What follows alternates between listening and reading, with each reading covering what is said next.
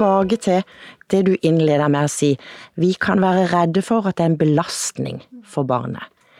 Og så forteller du etterpå så fint at vi opplever at barnet da kanskje kretser litt rundt oss, går oss litt i hælene, du merker du får barnets oppmerksomhet. Er det en belastning? for barnet? Det er jo egentlig ikke det, men jeg tror det er en, det er en frykt eh, hos Altså det er en voksenfrykt ja, der tror jeg vi er inne på noe. Ja. Mm. For å, å, at noe kan gå galt, ja. eh, eller at eh, barnet skal få det verre. Eh, det, men den frykten sitter i den voksne. Ja. Eh, jeg tror ikke nødvendigvis at det er en eh, reell eh, fare for at barnet skal oppleve det som en, en større belastning, for stort sett så vil det jo være et, en, et barn som opplever at den blir sett av den voksne. Ja. Men det er den frykten vi har for å bli tatt på noe. Ja, og, det, og det, er det, så, det, er jo det som er så, interessant, syns jeg da. For de første forklaringene ofte fra oss voksne, de kommer eh, som om vi bekymrer oss for barnet. Hvis vi snakker med dem om det vi bekymrer oss for. Og så når vi begynner å nøste litt i det, så går det liksom tilbake til oss sjøl. Mm. Eh, og da er spørsmålet, tenker jeg, mer å tenke eh, Vi vet så mye om Eh, barn og barn utsatt for overgrep, omsorgssvikt, hvor belastende det er, hva det kan bety på fremtida deres, mm. og alltid hvor viktig det er at det blir avdekka, mm. sånn at de kan stanse, mm. og sånn at de kan få hjelp. Eh, og så bruker vi forklaringer eh, til at det er barnet som kan få det verre. Eh, så tenker er det ikke på tide at vi snart begynner å tenke hva skal til for at jeg blir trygg nok som voksen til å spørre barn om den bekymringa jeg går og har. Det er absolutt på tide, tenker jeg, at vi begynner å gjøre det. Og mange av de undersøkelsene som du henviser til, forteller òg noe om at det er barn som vil bli hørt, men som ikke blir hørt. Så må vi legge av oss frykten. Ja, og så tenker jeg det handler mye om hva skal jeg si, holdninger og verdier som vi har med oss inn i arbeidet med barn og unge. Altså det som ligger i bånn eh, for, for, de tingene vi gjør. Eh, altså hvordan forstår vi barn? Tenker vi at barn kan være informanter og aktører til å fortelle om vanskelige ting i livet sitt? Og er det viktig?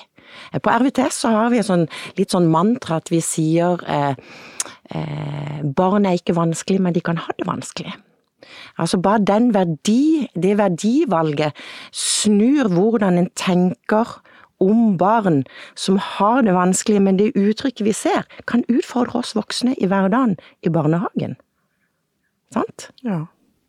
Så tenker jeg vi må øve på å stille disse her gode spørsmålene. Det er jo det som er kjempevanskelig. Og i tillegg ta seg tid til å lytte og høre på svarene vi får. Jeg kjenner veldig ofte at det er litt høyt tempo, det blir litt sånn spørsmål i forbifarta ja, så har en kanskje ikke alltid den tida som en egentlig burde ha. Nei, og så tenker jeg også i barnehagen, så er en kanskje mer fokus på den rollen en har som forklarer og oppdrager. Eh, fordi det ligger så mange sånn føringer i det som er jobben deres, ikke sant. At det det de skal, de skal liksom skape godt oppvekstmiljø i barnehagen, eh, de skal øve på de tingene de ulike aldersgruppene tilsier osv. Og så er det allikevel noen sånn uttrykk hos barnet som utfordrer oss til å kanskje øve oss mer på å bli oppdagere og utforskere. Eh, og da er igjen tilbake litt til det der med verdier og holdninger. Fordi det er faktisk en del barns uttrykk som utfordrer oss som voksne. Eh, jeg har litt lyst til å fortelle en liten historie fra en barnehage. Som det er ei lita jente. Eh, de kommer ut, alle er kommet ut på legeplassen. Det er ei stor sandkasse midt eh, på legeplassen. Og der, sist de var ute litt tidligere på dagen, så er det fire-fem barn som har bygd en hel by med hus og veier og satt ned busker og trær og alt mulig. Og så går denne lille jenta hen til sandkassa, så står hun litt og kikker, og så går hun oppi, og så står du og kan se at de snakker noe sammen, og så tramper denne jenta i stykker alt det de har lagd. Og så kommer hun hen til deg, og så sier hun til de andre er så dumme, de vil ikke leke med meg. Og lett er det ikke da når dette kanskje har skjedd noen ganger før, at man går inn i den der forklarer- og oppdragerrollen. Man vil jo så inderlig gjerne, og vi gjør det også i beste mening, å forklare den jenta hva som er lurt å gjøre for at de andre skal ha lyst til å leke med henne. Høyst sannsynlig hun er sint, høyst sannsynlig er hun ikke tilgjengelig for å høre. Hva om du da hadde liksom satt deg ned på huget og i stedet hadde sagt, da lurer jeg på åssen er det for deg når de andre ikke vil leke med deg? Og jeg kan kjenne bare når jeg sier den setningen sjøl, hvor godt han gjør meg som voksen. Jeg kjenner liksom sånn roen bare går inn, og jeg vet òg at høyst sannsynlig så hadde jeg også roa henne, sånn at en kunne begynne å snakke om det som faktisk var vanskelig. At ikke det var noen som ville leke. Og da har en jo porter inn til å utforske og oppdage hva kan dette handle om, dette repertoaret til denne jenta, for det kan det være mange grunner til. Sånn at det, det å, å ta av seg litt av og til, for en skal jo ikke ta den av seg alltid, den der forklarer- og oppdragerrollen, og ta på seg på ordentlig den der oppdager og utforsker. Når vi har oppdaga noe, og undrer oss og utforsker. Hva tenker dere om det? Jeg tenker at det har øh, det er viktig eh, at vi tar på, eh, tar på oss den eh, lyttende voksenrollen, og ikke den som du nevner som den oppdragende og forklarende. For er det noe vi er gode til, vi som jobber i barnehage, veldig ofte så er det å bruke veldig mange ord. Mm eh, å forklare. Eh, så det å En tar jo barneperspektivet på en helt annen måte, eh, og en møter barnet eh, som et subjekt, for, for, da blir den viktig i, i samspillet og interaksjonene som skjer mellom barna. Mm. Når en, når en spør barnet åssen er det å være deg oppi når det blir sånn som det blir ute i sandkassa. Eh, så, så, det er på en måte å, å eh, tenke mer barneperspektivet. Eh, og det som du sier, det handler jo om verdier og holdninger. Mm. Eh, men jeg opplever at de siste årene så har det skjedd en endring i barnehage. Fra eh, den tanken om at et barn er vanskelig, eh, til å tenke at kanskje dette barnet har det vanskelig. At en ser mer på systemet rundt og på, på eh, om det er noe i barnehagen som gjør at dette barnet har den atferden som det har, om det er noe hjemme, om det er noe Ja, det kan være så mye, men at en tenker heller at uh, vi har barn som lever i utfordringer, istedenfor at det er et utfordrende barn. Jeg tror at det er sånn at vi ofte er gode til å snakke om barna, men ikke med barna om det vi bekymrer oss for. Hva tenker du om det, Nina? Jeg tror ikke alltid vi er så flinke til det, altså. Jeg kan sjøl ta meg det at jeg har stått og diskutert flere hendelser, ting som har skjedd, flere barn med de andre ansatte, uten å på en måte ta det videre til de barna vi har prata om. Så da tenker jeg egentlig at vi har en lang vei å gå. Hva tenker dere skal til for at en gjør det litt mer sånn det er det jeg gjør, liksom, tanken. Ja, jeg tror en må jobbe litt med hele kulturen i barnehagen. Det med at de ansatte blir flinkere til å stille åpne spørsmål, og at en blir litt flinkere til å vente på svarene.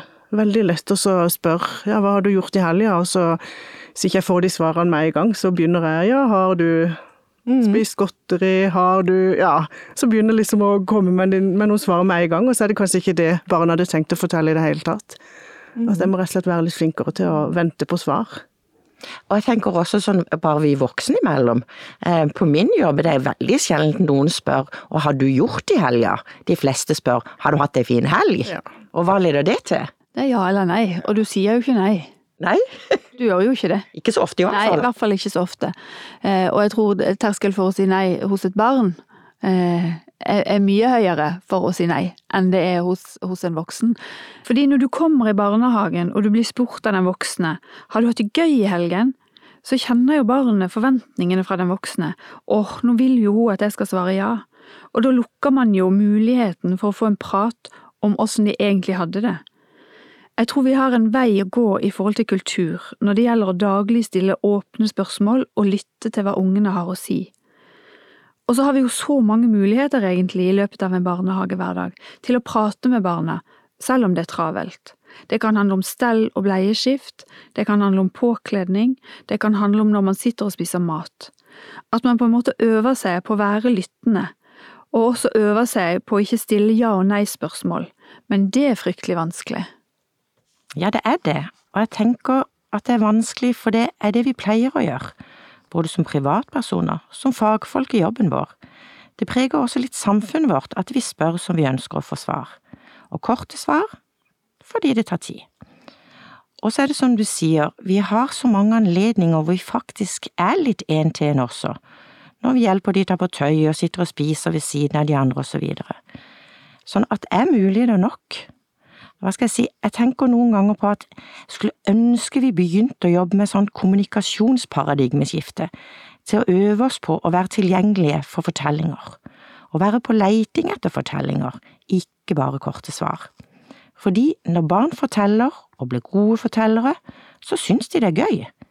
Og hvis det er gøy å få lov til å høre sin egen stemme og få ta ordet, også på de gøye tingene, for det er jo i hverdagsspråket, med de dagligdagse tingene, som vi lærer masse nye ord. Og barn i barnehagen skal jo blant annet, fra de er bitte små, øves på at man skal lære mange ord. Og da vet jeg dere blant annet har sånn, hva er det nå dere kaller det? Benevning, det er vi kjempegode på i barnehagen. Ja da, vi forteller alt vi gjør, fra begynnelse til slutt. Så det handler ikke om at vi ikke er flinke til å bruke ord, men at vi istedenfor benevner én ting, og så kan barna ha muligheten til å si etter eller gjenta det vi sier, så fortsetter vi bare, og så blir det sånn, og så blir vi sånn forklarende folk. Ja, da har vi snakka en del om i dag.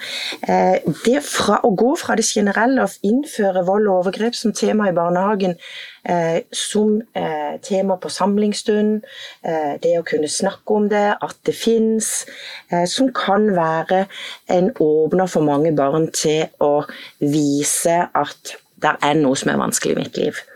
Eh, til å snakke litt mer om eh, det konkrete, og snakke om bekymringer.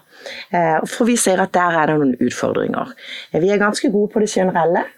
Eh, vi blir mer, eh, trekker oss mer tilbake, og kanskje kommunikasjonen vår faktisk også endrer seg litt til å være mer lukka når vi skal snakke om det konkrete. Så neste gang vi høres i podkasten, så skal vi snakke mer om fremmede kommunikasjon. Hva er det som åpner, hva skal til for at jeg blir den gode tilretteleggeren for at barn får anledning til å fortelle? Takk for i dag.